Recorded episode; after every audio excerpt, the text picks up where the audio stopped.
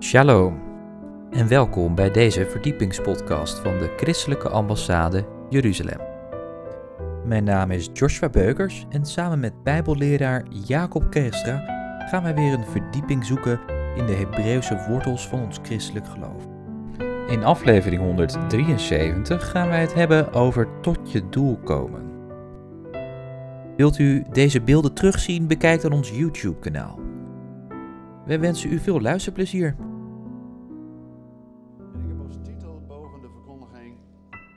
Tot je doel komen.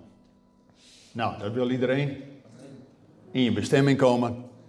En wat zegt Gods woord ervan? Nou, laten we lezen Deuteronomium 26, waar staat vanaf vers 1.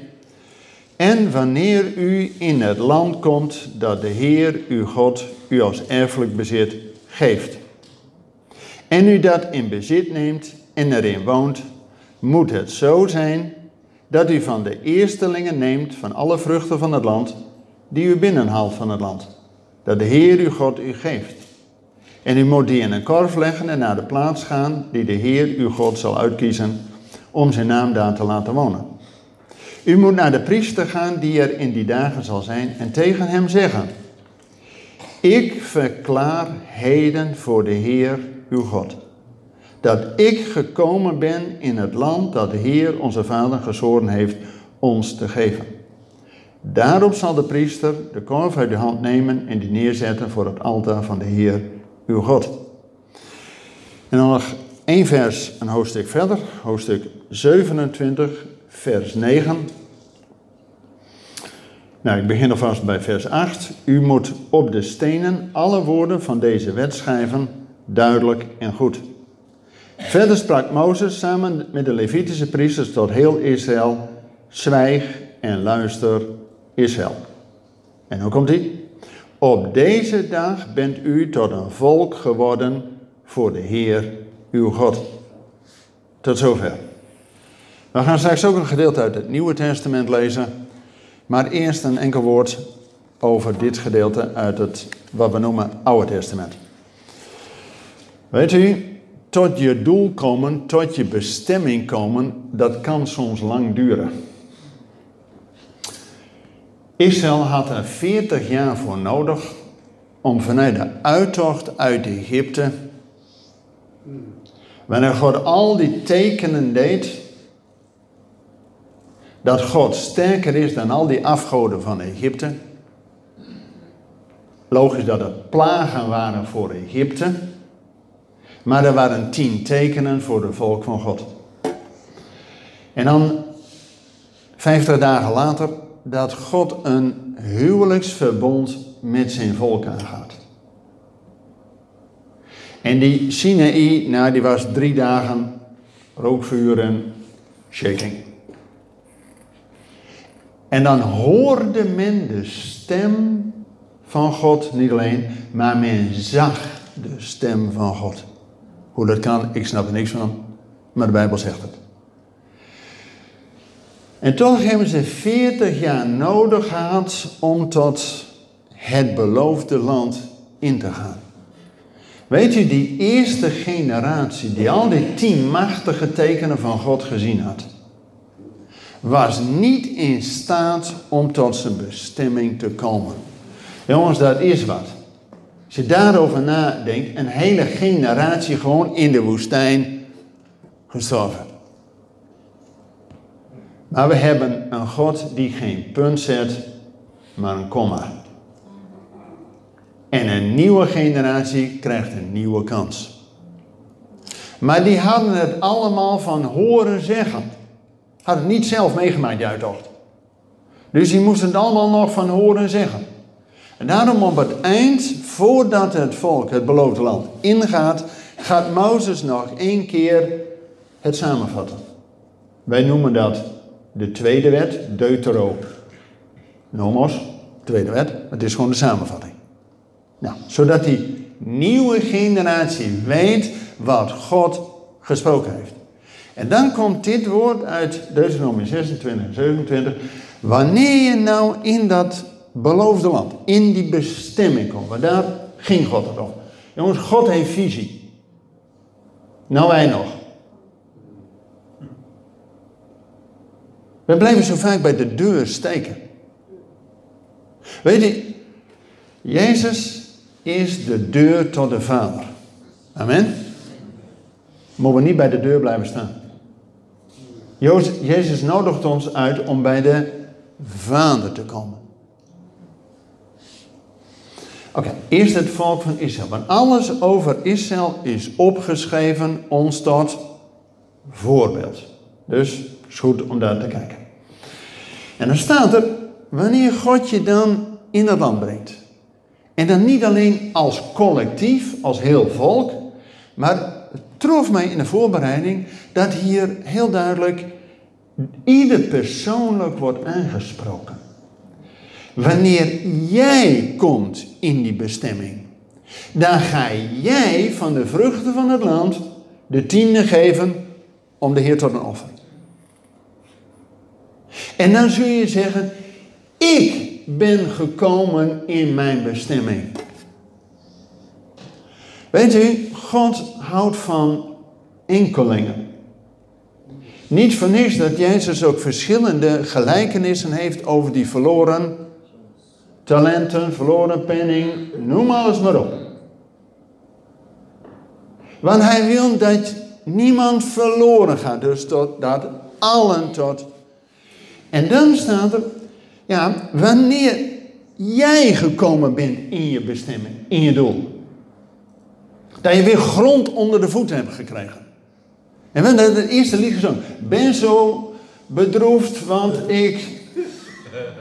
Nee, ik ben zo blij, want Jezus redde. Dus het kruis voorbij. Jongens, we leven in een opgestane Heer. Hè? Jezus komt niet terug om weer aan dat kruis te hangen. Nee, maar soms heb ik wel eens in gemeentes, dan hangt er nog zo'n. Jongens, Jezus kwam om eenmaal aan dat kruis te sterven.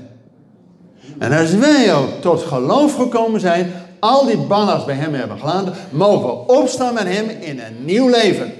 Dan komen we in het koninkrijk van God. Dan moeten we ook onze plek gaan innemen in die bestemming, in dat beloofde land, in de gemeente. En weet je wat ik dan zo bijzonder vind? Dan moet ieder persoonlijk tienden van de opbrengst geven. Mensen, dit is niet een preek over tienden. Weet je, God gaf Israël toen ze beloofde landen gingen, dat ze huizen gingen bewonen die ze niet zelf gebouwd hadden. En de eerste vruchten van het land hadden zij niet gezaaid. Weet je hoe ik dat noem? Gewoon genadegaven. God geeft ons alles uit genade. En dan is het niet zo moeilijk als God ons 100% geeft om tienden aan hem te geven. Snapt u? Als je er maar weet van hebt dat alles wat je gekregen hebt door hem gegeven is. En je mag 90% houden. En weet je wat dan de bevestiging is als een ieder van ons dat doet? Dan is die tekst uit één hoofdstuk verder. Dat Israël moet horen en ook vooral een keer moet zwijgen, omdat uh, weet het allemaal beter, hè? Israël ook, hè? Altijd, als, het, als hun even wat tegen zat, gingen ze murmureren. Weet je? Nou, wij hebben ook korte lontjes, hè? Jongens, we hebben nou net een crisis gehad, twee jaar lang. Maar we zitten nu in tien crisis. Tegelijk. En denk niet dat het morgen voorbij is, hè? Forget it. Ik denk dat de Heer spoedig komt. Want we hebben alle jaren, net toen dat maar goed ging, oh, de eindtijd komt en uh, moeilijk allemaal voorbereid zijn. Voordat je weet zit je er middenin. Wie had gedacht, drie jaar geleden, dat door één zo'n onzichtbaar virusje, wereldwijd alle kerken twee jaar gesloten waren? Wie had dat gedacht? We zitten nu in tien crisissen. Maar gelukkig, wanneer gij dit ziet, praat elkaar in de put en zeg van het leven is één tranendal. Nee, wat zegt de schrift? Wanneer gij dit alles ziet, heft uw hoofd op, want uw verlosser is nabij. Jongens, in de wereld is geen hoop.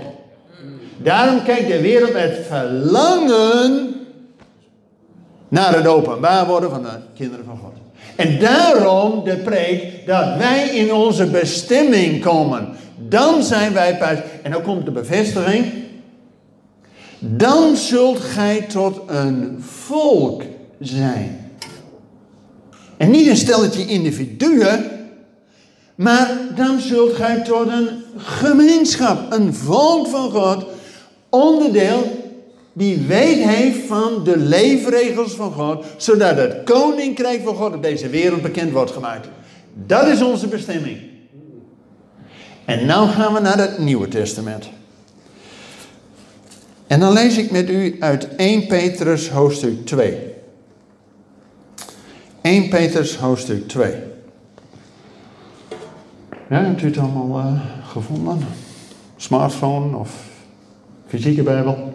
Het mooie van een fysieke Bijbel is dat je. Ik leg er altijd blaadjes tussen en kan ik het weer vinden. Dan kan ik het thuis nog eens opslaan. Heeft die prediker wel goed gepreekt? Je moet altijd checken. Je weet het nooit. 1 Petrus 2 vanaf vers 1. Leg dan af alle slechtheid, alle bedrog, huichelarij, afgunst en alle kwaadsprekerij. Zo, dus eerst wat wegdoen. En verlang vurig als pasgeboren kinderen naar de zuivere melk van het woord, opdat u daardoor mag opgroeien.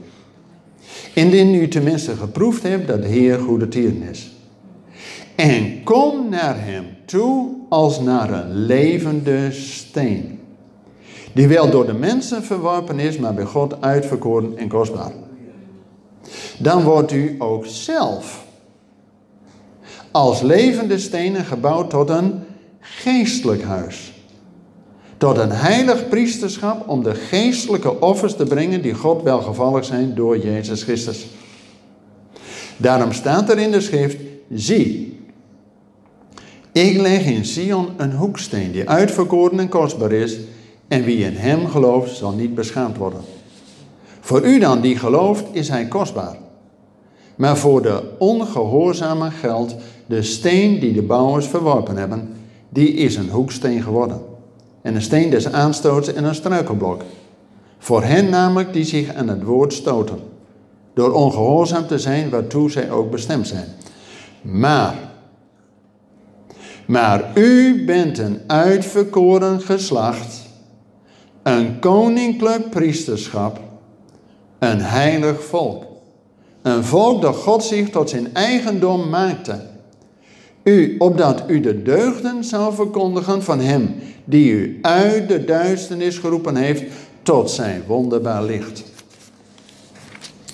U die voorheen geen volk was, maar nu Gods volk bent.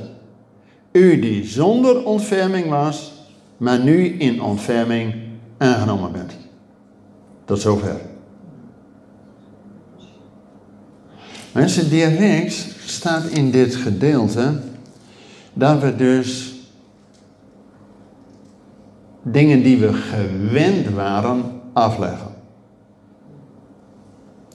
En dat we verlangen als pasgeboren kinderen, wederom geboren kinderen, naar het melk van wat God geeft. Zodat we groeien. Dat is de eerste stap. Maar dan. En kom naar hem toe als een levende steen. Weet u, er is ook een, een van die teksten. Jezus is de hoeksteen. Nou, dat begreep ik niet altijd. Want in het Hebreeuws staat er, hij is de sluitsteen. En als je een poort hebt, met twee kanten,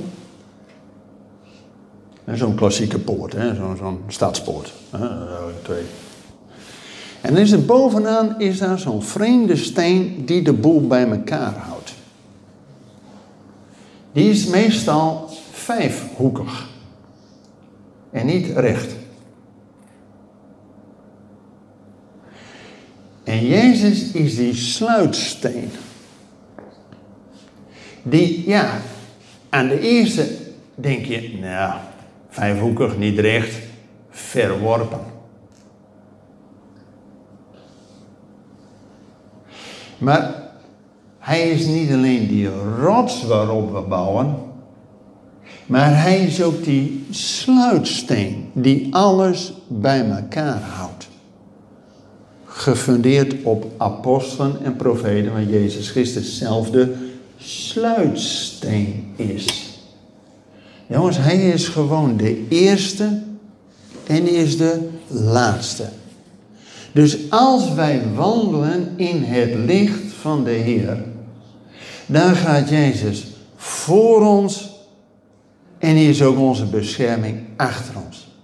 Weet je, Israël ging door die woestijn met die vuurkolom voor hen, zodat ze wisten welke kant ze op moesten. En die wolkolom achter hen. Jongens, die farao die zag helemaal niks. En wij mogen ook dat Jezus de rots die met ons meegaat, zoals ook met Israël meeging. Trouwens, er staat ook nog bij, ze werden allen gedoopt in de wolk. Nou, daar gingen 600.000 mensen door uh, die Schelfzee. En ze werden gedoopt in de wolk. Dat was een massabekering. Ja, dat, dat was nog eens een doopfestijn. Staat in de schrift, hè? Dus, God heeft visie. Maar ook wij hebben dat die... Je zegt mooi dat het nou regent, hè? Is een beeld dat God de wereld niet aan zijn lot overlaat, maar iedere keer ook weer zijn zegen geeft. En regen is een beeld ook van Gods geest die rustig aan, niet met slagregels, maar rustig aan in ons hart mag indalen. En dat Jezus die rots is die met ons meegaat, die wolkolom en die vuurkolom is. Jongens, we zijn aan alle kanten beschermd. En dat hebben we ook nodig. Want in de wereld is een hoop aanval op de gemeente en op de gezinnen. Daarom moeten we beschermd worden. En dan weet je ook, Alleen maar dat Jezus voor ons is en achter ons is. En het bloed van Hem ons reinigt. Dat is wat Hij geeft. Nou, wat wij mogen doen. Laat u dan ook zelf persoonlijk gebruiken. Tot, uh, en wat staat er? Tot een levende steen om opgebouwd te worden tot een geestelijk huis. Het is mooi dan gebouw hebt, maar uiteindelijk gaat het in de gemeente niet om een stenen gebouw. En tegenwoordig ook veel kerken zijn bezig om alles te verduurzamen, hè? want ook dat is populair, hè? Doe je mee, hè? En dan hebben ze het over het gebouw. Jongens, de gemeente van God, het koninkrijk van God is niet uit eten en drinken, ook niet uit stenen gebouwen, maar die de wil van God doet. Dan kan Hij door zijn geest ons zijn wil verder openbaren. En zijn woord is een lamp voor onze voet, zodat we de volgende stap weten. En een licht op ons pad, dat we richting hebben. En dan is de opdracht voor ons eigenlijk de uitnodiging. Ik bedoel, niks moet, hè? Niks moet. God is een gentleman, klopt nog steeds aan de deur, maar aanvoegende wijze. Laat u ook gebruiken tot de bouw van een geestelijk huis. En dat ook wij geestelijke priesters mogen zijn. Mensen, ik wil vooral ook de vaders oproepen om dat in eigen huisgezin te oefenen. Dat je priester bent voor je gezin. Dat je voor hen op de bres staat en een geestelijk in gebed bij de Almachtige brengt. Dat is onze taak. Zeker als vaders. En dan staat er, u bent Een uitverkoren geslacht. Een koninklijk priesterschap. Nou, eigenlijk staat er koningen en priesters. Wat doen priesters? Zegenen. En wat doen koningen? Onder de omstandigheden gebukt gaan. Nee. Koning die heersen. Zo mogen wij ook heersen. En weet u, dat vind ik nou zo mooi hè, van Israël. Israël is in een proces. En de Bijbel vertelt van hun geloofswandel. Ze hadden ups, maar ze hadden ook downs. Maar weet u, God had al aan Abraham beloofd dat hij tot een zegen voor de volkeren zal zijn. En dan heb je Isaac en Jacob en dan de twaalf stammen. En wat doen die? Wat moeten ze? Ze gaan naar Egypte. Dan zijn ze 400 jaar en ze worden zelfs slaaf. Maar God had aan Abraham beloofd een volk en een land. En wanneer ze na 400 jaar eruit komen en naar het beloofde land gaan, juist wanneer het land en een volk bij elkaar komt, gaat de wereld zegen ontvangen. Welke zegen heeft de wereld ontvangen toen Israël voor de eerste keer in zijn bestemming kwam? Dat is, we hebben Gods woord gekregen. Alle Joodse schrijvers, 40, hebben wij Gods woord gekregen. Maar Israël deed ook niet altijd wat God in zijn woord had gezegd. Dus God zegt, het land is niet van jullie, het is een geestelijk land, het land is van mij. Dus als jullie nou niet doen wat ik zeg, dan parkeer ik jullie 70 jaar, zodat het land zijn rust krijgt. Maar in Jeremia stond geprofiteerd, na 70 jaar mag je weer terug. En weet u, toen Israël in zijn bestemming kwam, de tweede keer, waar land en volk in zijn bestemming komt, heeft de wereld zegen ontvangen.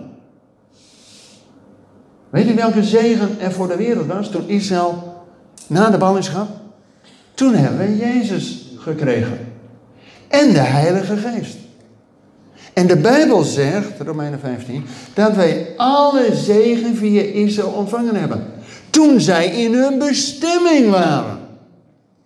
Gods woord, Gods zoon en Gods geest.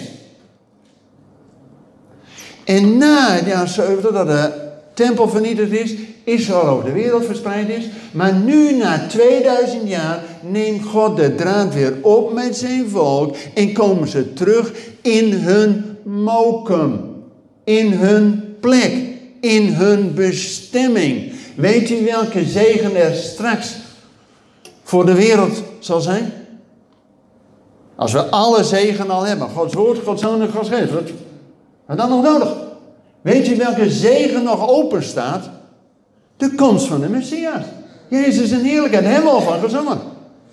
En tot die tijd, weet u, wil ook God dat de gemeente en ieder persoonlijk tot zijn bestemming komt.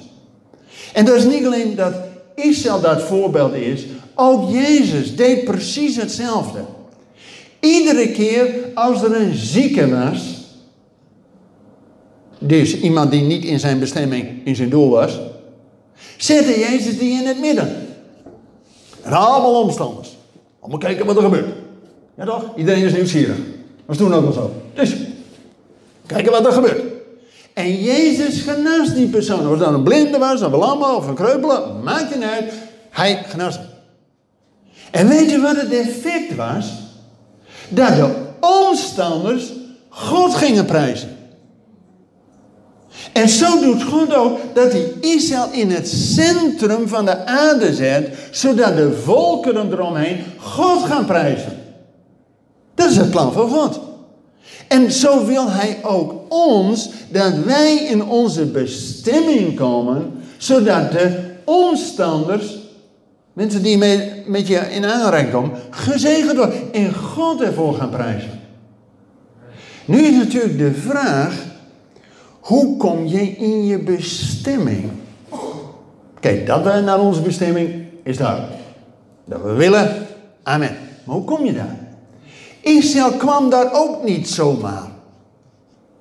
Allemaal ups en downs. Maar weet u, God zegt iedere keer, en dat gedeelte van Deuteronomium 26, moet je thuis nog eens lezen. Voordat Israël al die zegen krijgt en uh, noem maar op. Daar staat het tot 14 keer toe. Herinner u. Herinner u. Herinner u. Wat ik toen gedaan heb. Wat ik toen gedaan heb. Wat ik toen ook gedaan heb.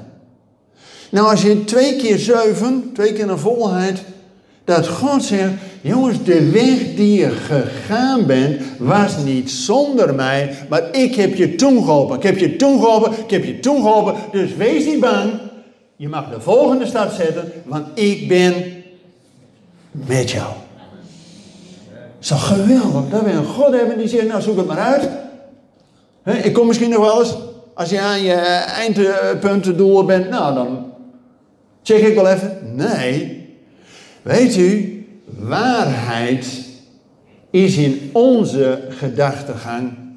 Dit is goed, dat is fout.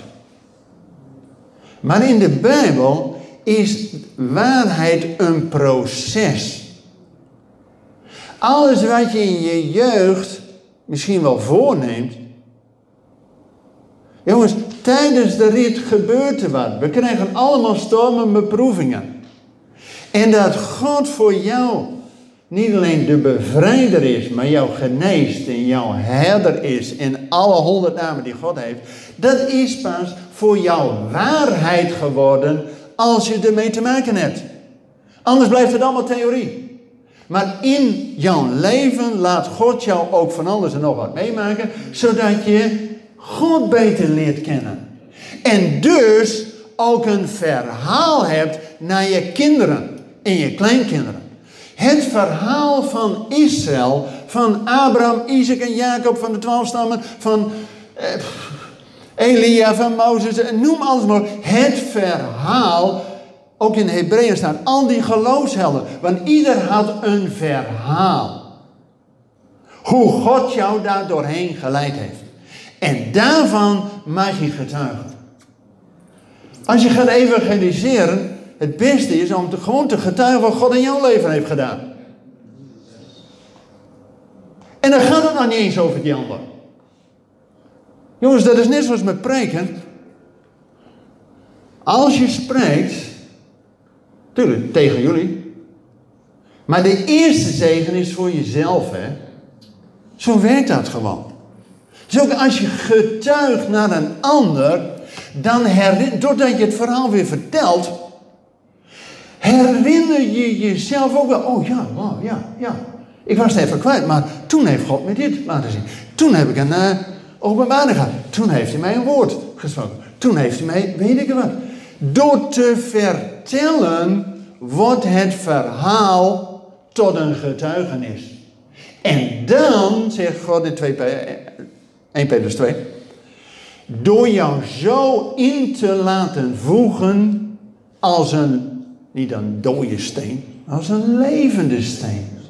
Dan mogen wij getuigen van Hem die ons uit de duisternis geroepen heeft tot zijn wonderbaar licht. Jongens, dat is Pasen. Vanuit de duisternis naar het licht. Ja toch? En God is een God die alles in het licht laat komen. Misschien ook nog de dingen die je nog een beetje voor jezelf houdt. maar dat is een proces. En zodra God weer meer te vertrouwen is door jou, laat je God meer toe in jouw hart, zodat ook al die dingen die er nog zitten, achtergelaten worden. Het is een proces. Tuurlijk, we willen allemaal grote sprongen snel thuis. En hij tot geloof bent gekomen is een stap. Maar het is een dagelijkse volgen van de Heer. Weet u, alle grote leiders hebben een verhaal. Denk aan Churchill in de oorlog. We never give up. Dat gaf mensen moed om door te gaan. Martin Luther King had een verhaal. I have a dream. En die droom is al grotendeels uitgekomen. Ook de Bijbel zegt dat wij ieder persoonlijk een verhaal hebben. En daarin zijn wij leiders geworden, zodat anderen kunnen volgen in dat spoor. Wat de Bijbel zegt, kom, ga met ons en doe ons wij. En dan helemaal het eind van dat hoofdstuk staat er, dan pas zijn wij tot een volk geworden. Wanneer een ieder zijn plek inneemt, zijn gaven gebruikt. Jongens en zoals Israël huizen en, en voedsel kreeg en tienen gaf je terug. Maar dat was allemaal genadegaven. Zo geeft God ons ook heel veel dingen. En je mag in de gemeente ook gewoon oefenen wat jouw talent is. Kijk, stoelen klaarzetten moet gewoon gebeuren. Maar één, als je dat doet, één heeft er meer mee dan de ander. Eén zegt, nou zet het maar neer joh. goed. En de ander, nee, nee, nee, voor de Heer, dit moet mooi staan. Eén heeft iets met kinderen. En de ander denkt, even niet. Jongens, God geeft een veelkleurigheid aan gaven en talenten. Maar als een ieder zijn gave gebruikt in de gemeente, zijn we tot een licht voor deze regio.